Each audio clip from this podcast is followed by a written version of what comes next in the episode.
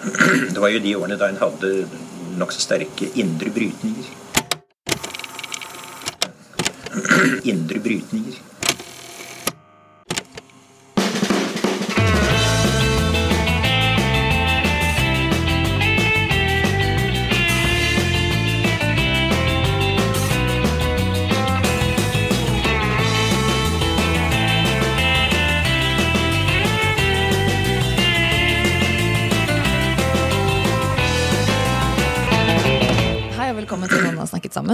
Tiril Rustan Halvorsen. Og jeg heter Aksel Fjellavli. Eh, når vi sitter her i studio, så har det nettopp vært første runde i eh, presidentvalget i Brasil. Og det kan jo nesten ikke overdrives eh, betydninga av valget i dette landet. Selv om det er noe som dekkes mye mindre i norsk media enn amerikansk politikk, så bor det flere hundre millioner mennesker også i Brasil. Det er et eh, viktig land i verdensøkonomien. Det er et utrolig viktig land for verdens klima.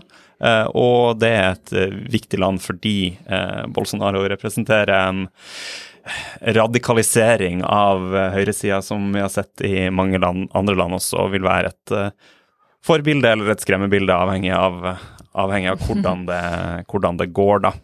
Så vi har vært så heldige å fått eh, Torkjell Leira i studio med oss eh, nå. Velkommen skal du være. Tusen takk.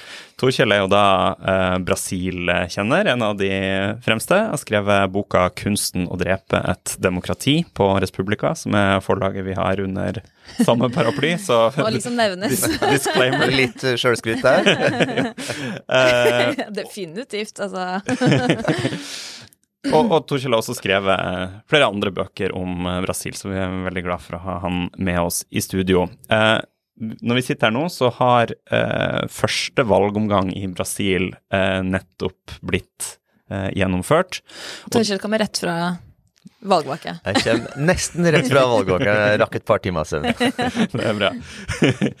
Men eh, det har vært eh, veldig jevnt, overraskende jevnt vil sikkert eh, en del si, hvor eh, venstresidekandidaten Lola eh, fikk 48 eh, Ytre høyre-kandidaten og sittende president eh, Jair Bolsonaro fikk 43% Og sånn som valgreglene er i Brasil, så betyr det at ingen har vunnet valget på nåværende tidspunkt. Ingen har fått det flertallet. Men eh, vi må starte litt med resultatet, da, eh, Torkjell. Dette er jevnere enn en del sikkert trodde. Hvorfor det? Det er jo det Det er jo 100 000 dollar-spørsmålet i brasilianske meningsmålingsinstitutter. Fordi dem sitter og klør seg i huet nå. Hva har skjedd med modellene våre? Fordi at uh, meningsmålingene, de uh, aller fleste av de store og mest troverdige instituttene, sa det at Lola ligger rundt 50% av de gyldige stemmene. Han fikk 48,6 Nei, 48,4, så det var innafor feilmarginen. Men de hadde Bolsonaro på en ja, 36-37% av de gyldige stemmene, og han fikk altså 43,2. Eh, sånn at eh, innafor feilmarginen for Lola, men eh, Bolsonaro gjorde det mye sterkere enn eh, meningsmålingsinstituttene eh, viste til eh, bare et par dager før valget. Grunnen til det, det kan være mange.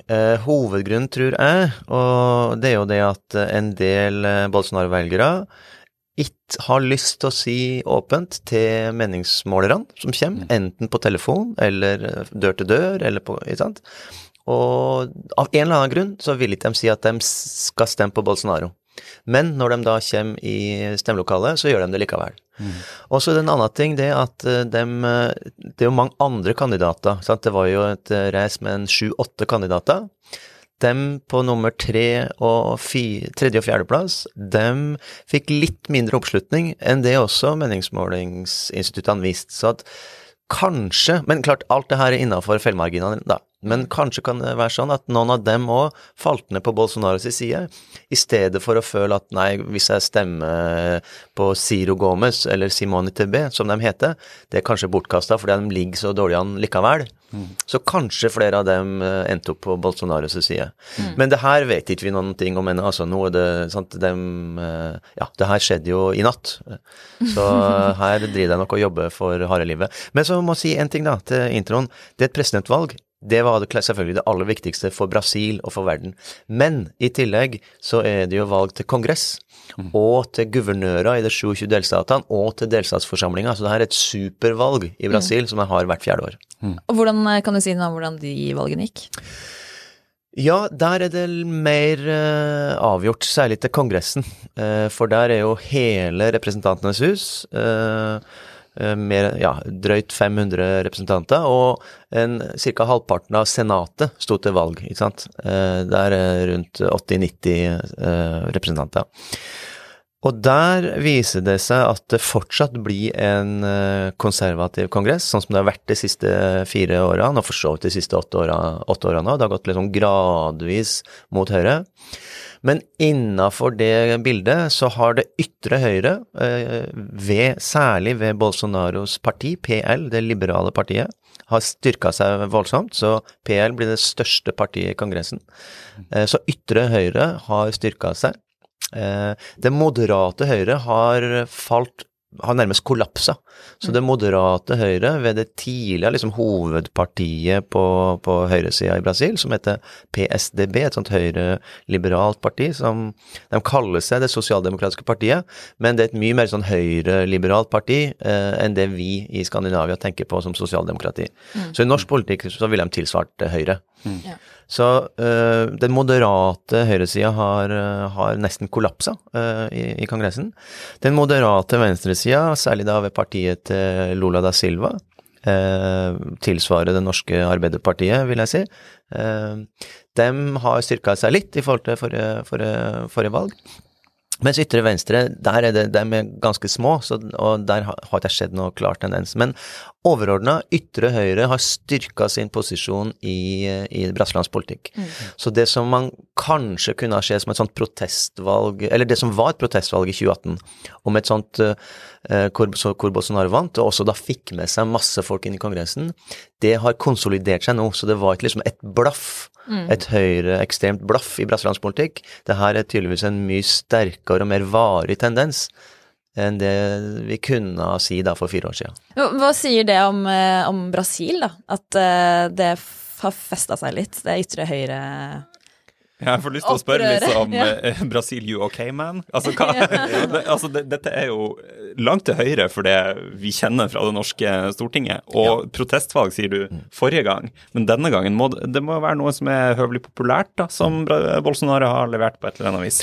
Absolutt. Han vant jo presidentvalget forrige gang eh, med, en, med god margin. Eh, Så det er klart at han, eh, han spiller på strenger, og det her gir resonans i, i Brasil.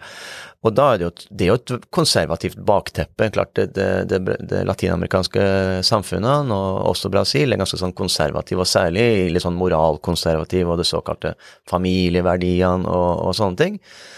Så det potensialet har Bolsonaro klart å ta ut. Eh, Så spiller jo han på strenger om eh, hard mot harde mot kriminalitet og sånne ting. Det er klart, for at sikkerhetssituasjonen i Brasil er, er veldig vanskelig.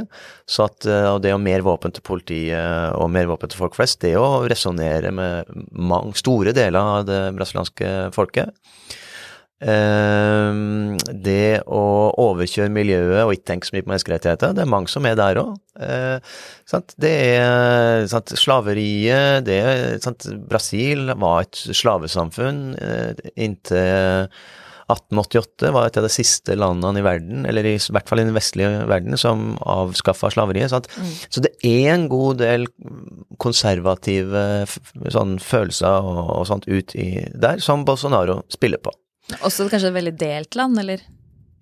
Det er jo det, og stadig mer delt, vil jeg si. Sant? For at eh, etter gjeninnføringa av uh, diktaturet, så har du hatt en sånn veldig jevn Egentlig, når du ser litt sånn det lange Når du ser liksom i 10-års, 20-års, eller 30-40-årsperspektivet, så har jo Brasil siden 80-tallet hatt en sånn jevn gang mot et mer, ja, i, i retning av det vi kjenner som, som velferdsstaten. At staten skal være til for all folkegruppa, man skal utjevne ulikheter, man skal bekjempe fattigdom, man skal respektere menneskerettigheter, man skal ta miljø og bærekraft alvorlig, man skal spille en konstruktiv rolle internasjonalt, osv., osv. Det her har vært et sånt fellesprosjekt av det, det jeg kaller en sånn etterdiktaturgenerasjon mm. i Brasil. Om det president er på venstresida ved tidligere president Cardoso, nei, på høyresida ved Cardoso, eller venstresida ved Lula, eh, så har det på en måte vært et sånt felles sånn La oss skape et nytt og inkluderende og litt kulere og snillere samfunn mm. enn det vi hadde under militærdiktaturet. Det har vært deres prosjekt. Og man har vært, alle har vært trygge på at ok, men det her er felles verdier som menneskerettigheter og eh, inkludering og, og, sånne ting.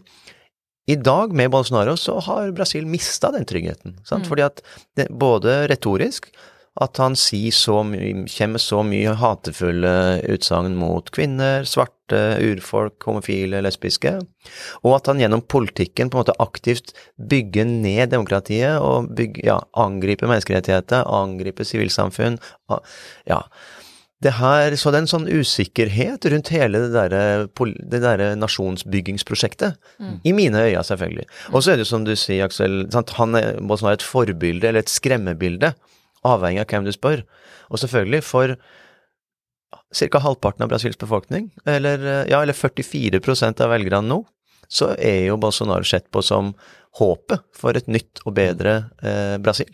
Mm. Så det er jo Mens for de 48% som stemte på Lula, så er det en skremmebilde. Så det, det er et mer polarisert Brasil enn det jeg har opplevd noen gang. Mm. Mm. Eh, boka di den heter jo 'Kunsten å drepe et demokrati', og det eh, henspiller jo på en eller annen slags sånn aktiv handling ovenfra, ikke sant. Eh, og det er åpenbart at eh, Bolsonaro gjør en del for å angripe de institusjonene som finnes. Men jeg lurer litt på, eh, hvis man ser litt eh, Tenk litt motsatt, da. At ser på beveggrunnene til at en sånn som Bolsonaro kunne bli valgt i første omgang.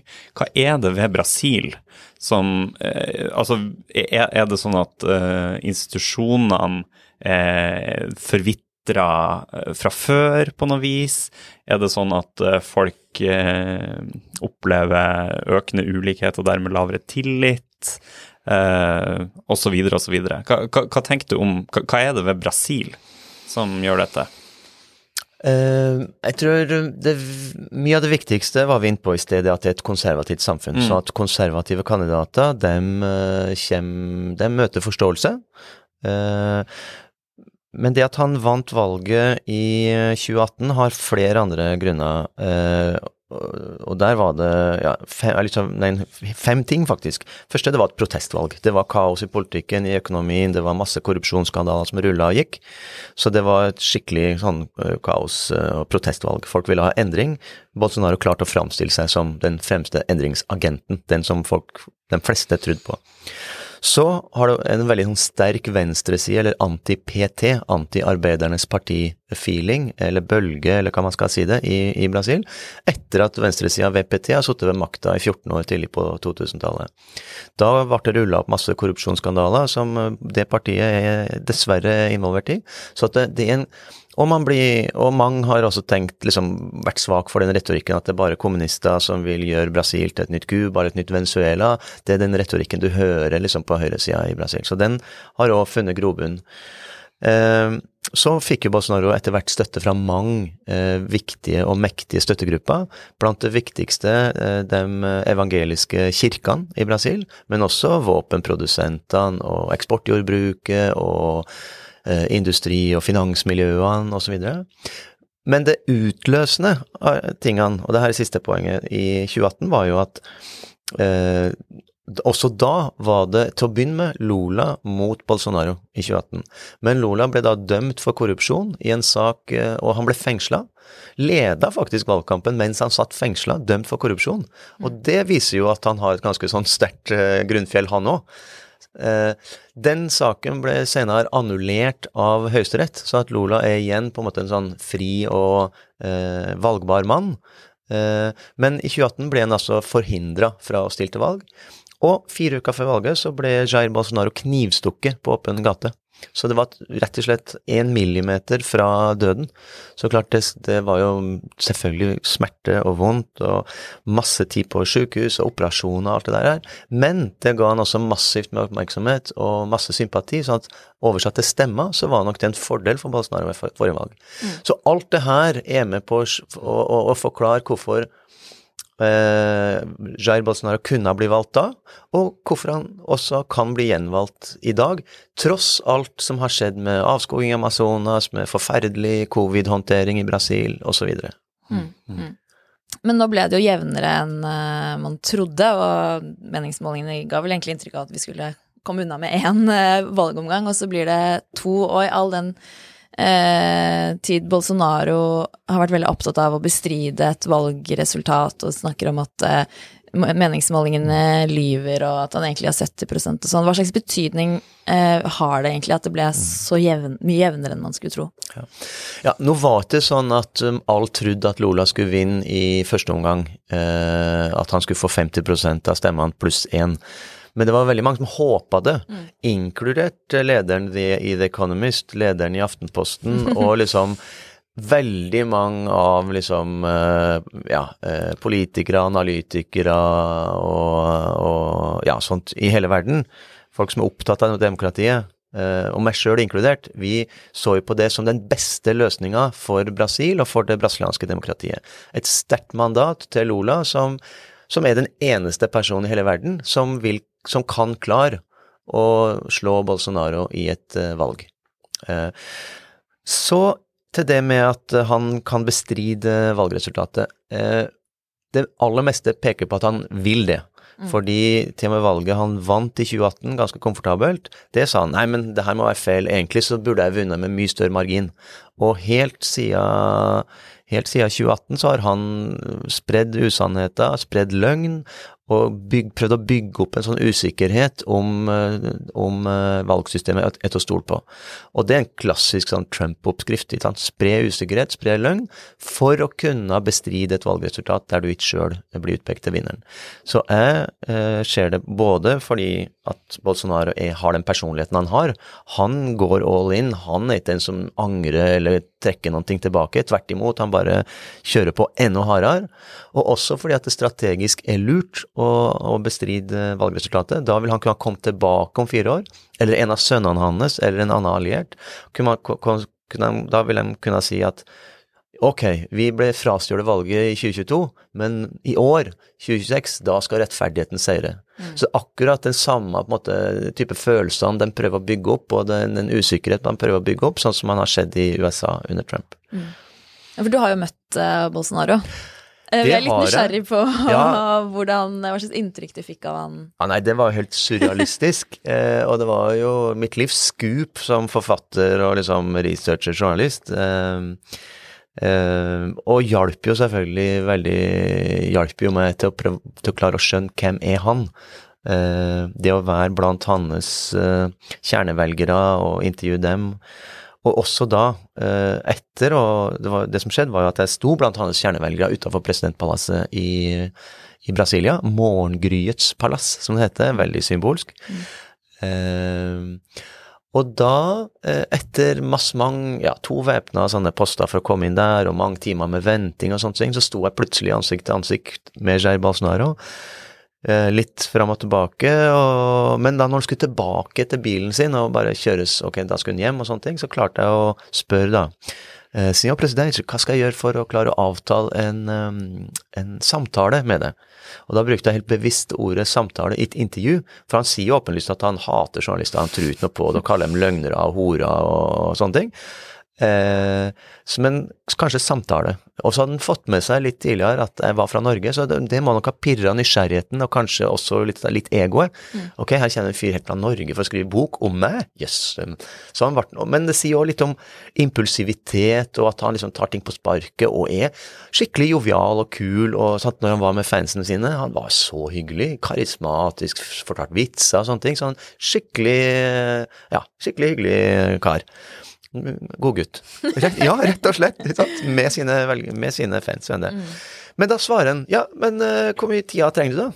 Og det hadde jeg jo ikke engang tenkt på. Liksom, hvor mye, eh, så jeg klarte liksom å stotre fram. Eh, ti minutter. Og da spør han, og det her husker jeg skikkelig godt, for da kikker han over venstre skuldra mi, og så spør han en rådgiver som står liksom bak meg et sted, og et eller annet om agendaen. Og han fikk et svar, men det hørte ikke jeg, for det var så mye sånn bråk og jubling og hoiing og flagg og plystring og sånt rundt, for det var mye pens. Men da så, så setter han øynene i meg, da, så spør han ja, har du lyst til å spise frokost med meg i morgen? Og da klarte jeg jo heldigvis å stokke ordene riktig, da, så at jeg svarte ja.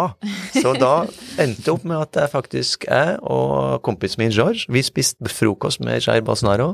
45 minutter rett over bordet, sånn som vi sitter i studio nå. Mm. Jeg med blokka mi og spørsmålene mine, og han svarte liksom på det i 45 minutter. Så det var jo helt sinnssykt. Mm. Mm. Jeg, får alltid lyst til å spørre sånn Jeg tror du han tror på det han sier selv om eh, valgresultat og sånn? Å, det der er et godt spørsmål, det har jeg tenkt så mye på. Eh, jeg Her blir jo nesten bare gjetting. Jeg tror ikke han tror på det. Eh, fordi at um, Og jeg tror heller ikke Trump tror på det. Men sant, de, er så, de er så dyktige politikere på ett vis, og så kynisk, kanskje det aller, aller viktigste, at de ser at ok, her har jeg alt å tjene på å utfordre valgresultatet. Punkt én, jeg vil, kan framstå som den moralske vinneren eh, her og nå, i mine egne øyne, i mine trofaste velgeres øyne, og som, som vi var inne på i sted, sant, i det lange løp. Da vil jeg kunne utfordre, komme kom tilbake som nesten den moralske vinneren og si at ok, de stjal valget forrige gang, nå skal vi ta hevn, nå skal, vi, nå skal rettferdigheten skje. Og få ting er så mobiliserende for velgere og for på en måte få den riktige følelsen da, hos stemmemaskineriet ditt og valgkampen, som akkurat det der, du er på den riktige sida, nå skal du kjempe for rettferdigheten mot urettferdigheten. Mm. Mm. Jeg begynner nesten å tro på det sjøl når jeg snakker sånn. Så, sånn i, um, uh, i, amerikansk politikk så er jo en liten sånn uh, test på karismaen til presidentkandidater og sånn, er jo uh, å spørre liksom ja, har du lyst til å ta en øl med denne kandidaten her. Så jeg hadde lyst til å stille det spørsmålet. Hvem tror du folk har mest lyst til å ta en øl med av Lola Bolsonaro? Jeg tror da skal du se på stemmeresultatet. Dem som stemmer Bolsonaro, har mest lyst til å ta en øl med Bolsonaro. Dem som stemmer Lola, har mest lyst til å ta en øl med Bolsonaro. Nei, ja. med Lola. Ja, nå, ja, dere skjønner poenget. Jeg tror jeg sa feil, men dere skjønner poenget. Nei, fordi at det er, sant, det er mye, som igjen, som jeg sa i sted, mye mer polarisert. Jeg har hatt uh, gleden av å følge Brasil tett i 30 år. Mm. Aldri opplevd en sånn, ja, så polarisering og så litt sånn aggressiv, aggressiv stemning i politikken og i litt sånn i sant? Folk vegrer seg for å snakke om politikk på en helt annen måte enn det de gjorde før. For plutselig det kan være en Bolsonaro-tilhenger rett bak ene skuldra mi, og plutselig kan være Lola-tilhenger rett bak den andre skuldra mi. Sant? At man mm. Ja. Og alle er redd for at det skal utarte seg til vold eller konfrontasjon og sånne ting. Eh, mm. Som det til dels gjorde òg eh, under valgkampen nå. Mm. Eh, vi må snakke litt mer om eh, Lola, da. fordi det er jo, eh, mm, sånn som det ser ut nå, mer sannsynlig enn usannsynlig at han vinner alt i alt, gitt at han har fått flest stemmer så langt, i hvert fall. Rent sånn regnestykke der. Men må bare skjønne liksom, Du sier f.eks. at det, det finnes en sånn frykt for arbeidernes parti på brasiliansk eh, høyreside. Og da kan man jo få inntrykk av at det her er litt sånn eh, aggressiv eh, venstrepopulisme, f.eks., som Lola står for. Kunne ikke du prøvd å beskreve eh, på en måte program og prosjektet hans på en måte som er si, forståelig fra en uh, europeisk kontekst? Ja, Eh, det kan jeg gjøre, og jeg tror jeg skal sammenligne litt med Lola sitt, med Bolsonaro sitt program, for jeg har lest begge to. Eh, mm. De er jo lagt ut på portugisisk, og, så det har liksom gått gjennom dem begge to, og skrevet litt om det. Uh, og jeg tror at uh, i Lola sitt program vil vi som skandinaver, eller som kjenner den nordiske modellen og, og sosialdemokratiet, vi vil kjenne oss godt igjen. Eh, det er jo selvfølgelig et program, og du, du, lover det ene og det andre, og du skryter over alt du har fått til før, men sant, det er et uh, Og jeg ble nesten litt overraska over hvor radikalt sånn mot venstresida det faktisk var, med tanke på den breie koalisjonen han har uh, lagt opp til. Sant? For det er jo ni partier fra ytre venstre til langt inn i det moderate høyre som nå mm. stiller seg bak Lolas kandidatur.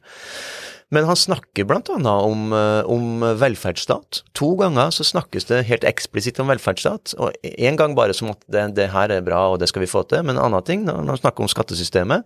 Vi, vi vil legge fram et forslag om et mer progressivt eh, skattesystem, hvor de rike, de, til og med de, superrike, står det der, skal betale mer, og det fattige skal betale mindre, for å kunne finansiere velferdsstaten. Mm.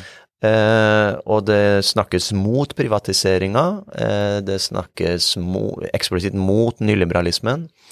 Eh, man, man, snakker veldig godt både om urfolk og om miljø, om homofile, lesbiskes rettigheter osv. Så sånn at jeg tror at de fleste skandinaviske velgere, både på høyresida og venstresida, ville ha sett på Loras program og tenkt hm, ja, det her er ganske fornuftig. Så kan man diskutere ok, hvor mye nyliberalisme, hvor mye statlig styring skal man ha.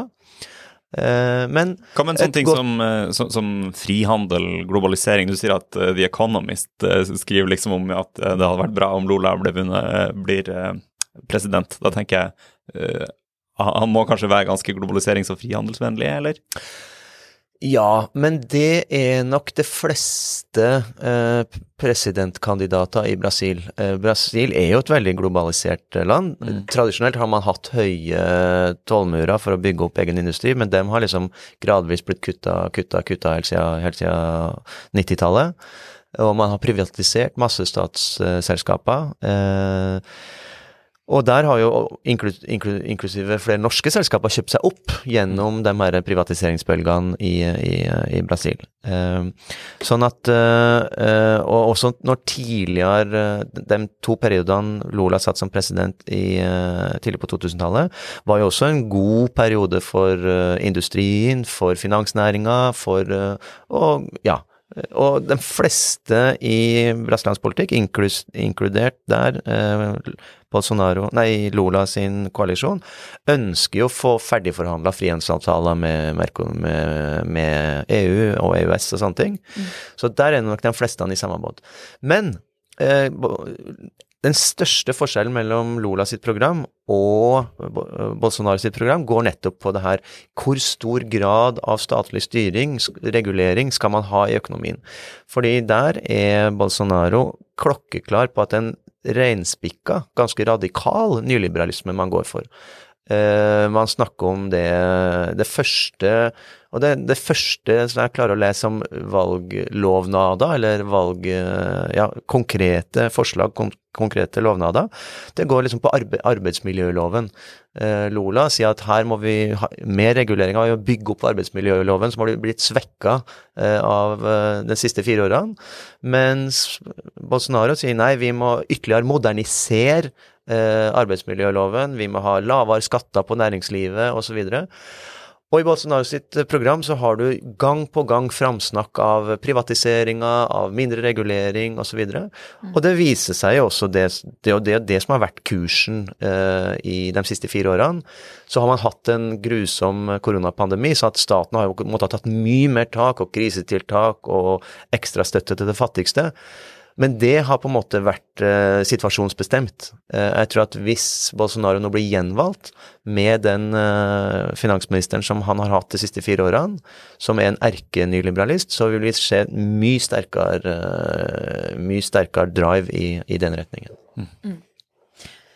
Så um, vi snakker ja. Men når det er sagt uh, Sorry. så jeg si litt annet om, om Bolsonaros program. Det snakker også bra om menneskerettigheter. Vi skal respektere menneskerettighetene. Uh, det snakker om at vi må ha en uh, bærekraftig bruk av ressursene i Amazonas, og urfolk må ta del i, i det moderne samfunnet. Så det er ikke så mye man kan ta det programmet på. Det, det, det, er ganske vel, det er mye lekrere, og det er velformulert og bedre. Det ser mye bedre ut enn Lola sitt program, som er dørgende kjedelig. Skulle tro at ingen De vil, vil ikke at folk skal ha lest det engang. Det er så kjedelig. Det er som en sånn Ja, det er 121 bullet points i svart-hvitt, eh, ikke sant? Ikke et bilde. Så Men, eh, men klart Sett ut fra track-rekorden til begge. Sant? Lula har sittet åtte år som president, Bolsonaro har sittet fire år som president. Eh, det Bolsonaro sier om menneskerettigheter og miljø og urfolk, det, er, det lyder veldig hult når du ser hva han klarer å få seg til å si, og hva slags politikk han har gjennomført de siste årene. Så min eh, hovedkonklusjon etter å ha lest programmene, er at Med Bolsonaro du får mer av det samme, kanskje enda mer ekstrem i både sånn autoritær og nyliberal retning. Med Lula så er det litt sånn back to the future. Han har sittet åtte år som president før, og da gikk jo Brasil veldig bra. Eh, mm. Veldig mye selvfølgelig hjulpet av en god verdensøkonomi for et råvarende eksporterende land som Brasil var da, og er nå. Men det er litt sånn eh, Ja, det, så det er liksom mer av det samme versus tilbake til framtida. Mm. Vi var innom det i sted om at 2018 var et protestvalg, men det var jo da av de grunnene du nevnte, som at eh, det partiet hadde sittet altfor lenge, eller i 14 år, 12 år, eh, og at eh, Brasil er et konservativt samfunn, mer enn selve politikken som ble ført, og retningen landet gikk. Ja, og det her er jo veldig rart. Nei, det er ikke rart. Men på overflata er det rart. Men selvfølgelig, alltid når man begynner å studere det, så finner man gode forklaringer. og Det og det jeg liksom har prøvd å finne ut i denne boka her òg. Hva, hva, var det egentlig som Hvordan kunne Brasil velge en mann som Bolsonaro, som snakker hatsk om det store flertallet av Brasils befolkning. Mm. Ikke sant? Men så, sant, da er det protest, og det er konservativt, og det er støtte fra kirkene, og det er alt mulig, og det er attentatforsøk, og det er masse ting som er med å forklare det. Men for å komme tilbake da til, til retninga Brasil eh, tok eh, under Lula og venstresidas styre. Eh, det som er det store paradokset, er jo at de aller fleste fikk det jo mye bedre da. De, de aller fattigste, de fattigste, middelklassen og overklassen på at Du hadde en velstandsvekst for nesten 100% av befolkninga da. Mm, mm. Men med det så vokser jo òg forventningene.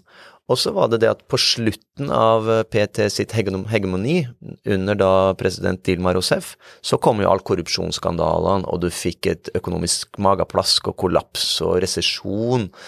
Og så at da ble PT og venstresida plutselig forbundet med alt som var fælt og galt. Og det, det, var jo en sånn bølge som, som Bolsonaro surfa på. Sjøl om folk faktisk, hvis du ser hvordan folk faktisk hadde i år 2000 og i, år, og i 2018, så hadde jo det aller fleste av det mye bedre. At, eh, BNP per capita eh, sånt, eh, helseindikatorer eh, All på en måte sosioøkonomiske indikatorer var jo bedre da, men klart, det hadde gått opp i 15 år, og så hadde en dupp da, rett mm. før valget i eller, Ja, det hadde en kraftig dupp før valget i 2018. Mm. Så mm, det er med å forklare det. Og så men så tror jeg òg at det er, mer, det er jo mer retorikken som er, og følelsene. Og vi er jo over i en tid hvor retorikken og følelsene er kanskje mye viktigere i politikken enn det faktiske budskapet. Og da er vi over på en annen en av de store forklaringsfaktorene her, som er sosiale medier. Det som Trump surfa inn til seier på eh, un, under eh, sin sjefstrateg eh, Steve Bannon. Akkurat det samme som Bolsonaro gjorde i, i 2018. Han var konge på sosiale medier, og samarbeida åpenlyst med Steve Bannon og co. Mm.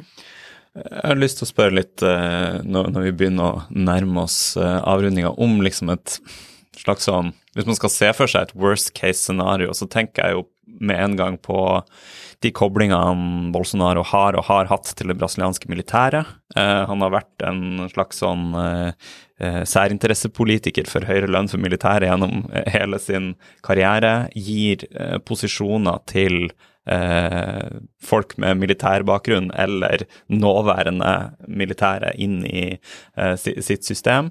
Brasil har på en måte sin verste del av den nyere historien som militærdiktatur. Tenker du at det er mulig at eh, Brasil kan gå dit igjen hvis Bolsonaro fortsetter? Oh, det er et viktig og litt sånn tungt spørsmål. Eh, det er klart at Bolson Brasil under Bolsonaro har tatt eh, mange og lange skritt i antidemokratisk retning.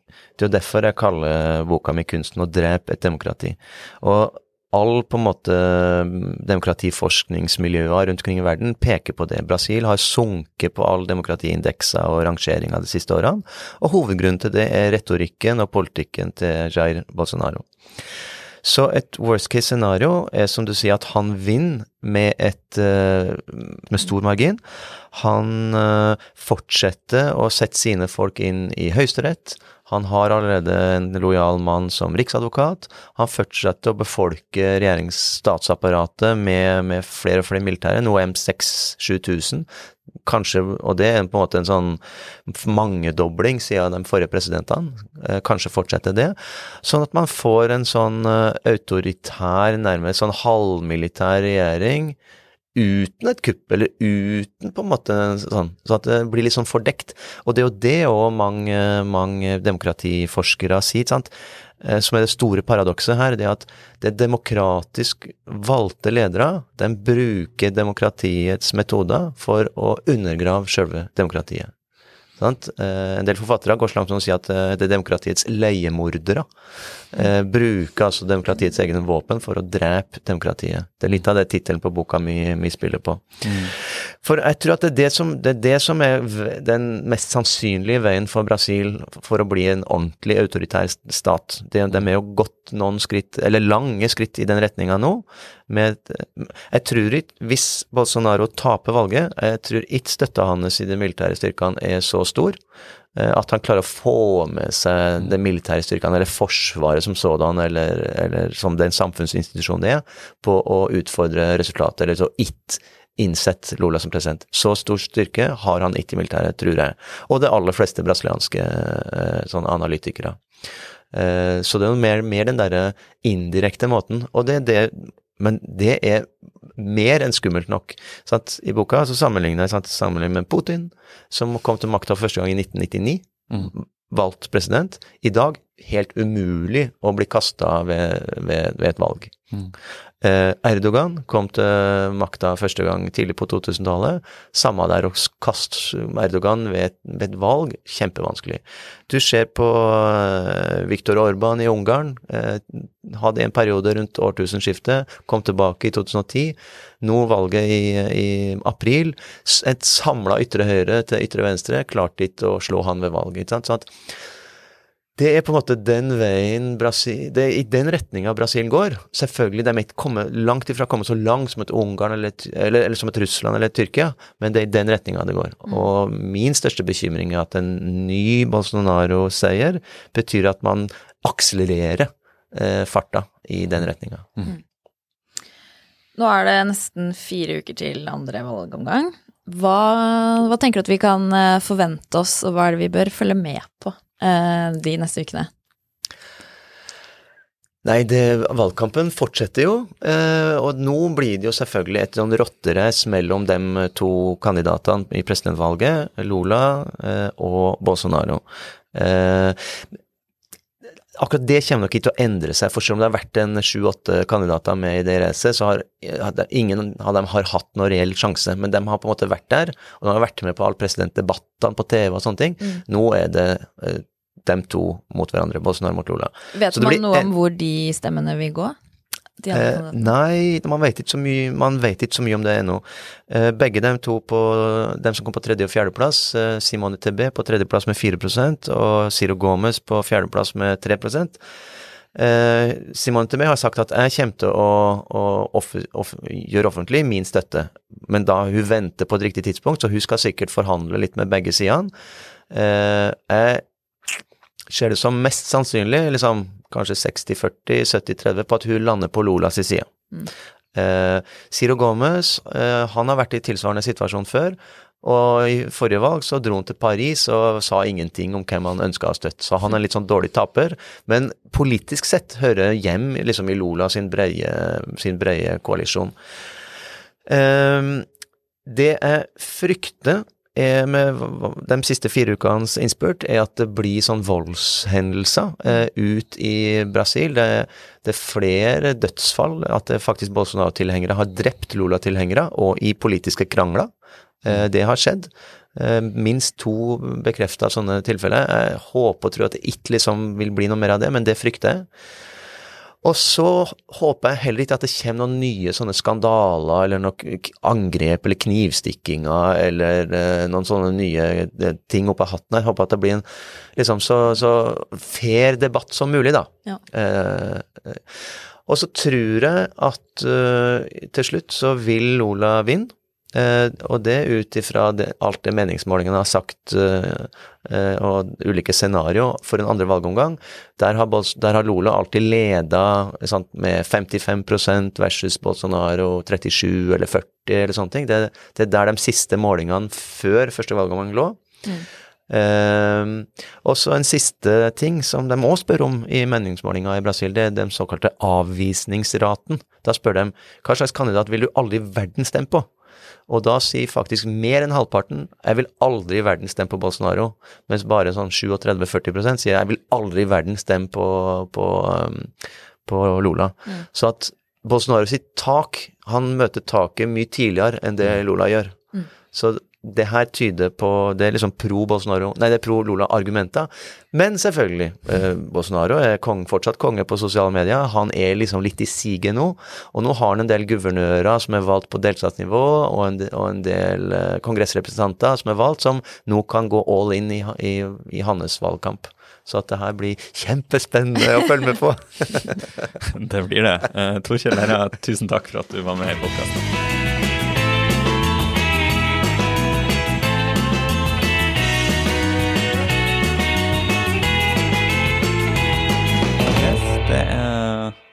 Tid for å anbefale noe, som alltid?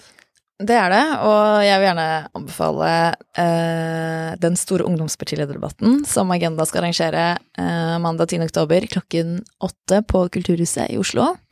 Det pleier å være veldig gøye partilederdebatter når eh, ungdommen stiller opp. Det må man få med seg. ja. Og har du en anbefaling? Det har jeg. Eh, jeg har uh, hørt igjennom Eh, podkasten til BBC som heter Putin. Uh, som er ti episoder, veldig bra produsert med liksom av de fremste ekspertene på, uh, på temaet, med hele liksom storyen fra hans bakgrunn i etterretninga fram til, eh, til dagens eh, Putin-regime. Så veldig interessant inngang hvis man eh, er opptatt av hva jeg skal si, enkeltpersoner sin betydning i eh, politikken. Og det er jo ikke noen tvil om at enkeltpersonen Putin har hatt mye å si for den eh, smørja landet står oppi nå. landet, verden. Ja. ja. Bra. Eh, da snakkes vi igjen neste uke. Det gjør vi. Ha det.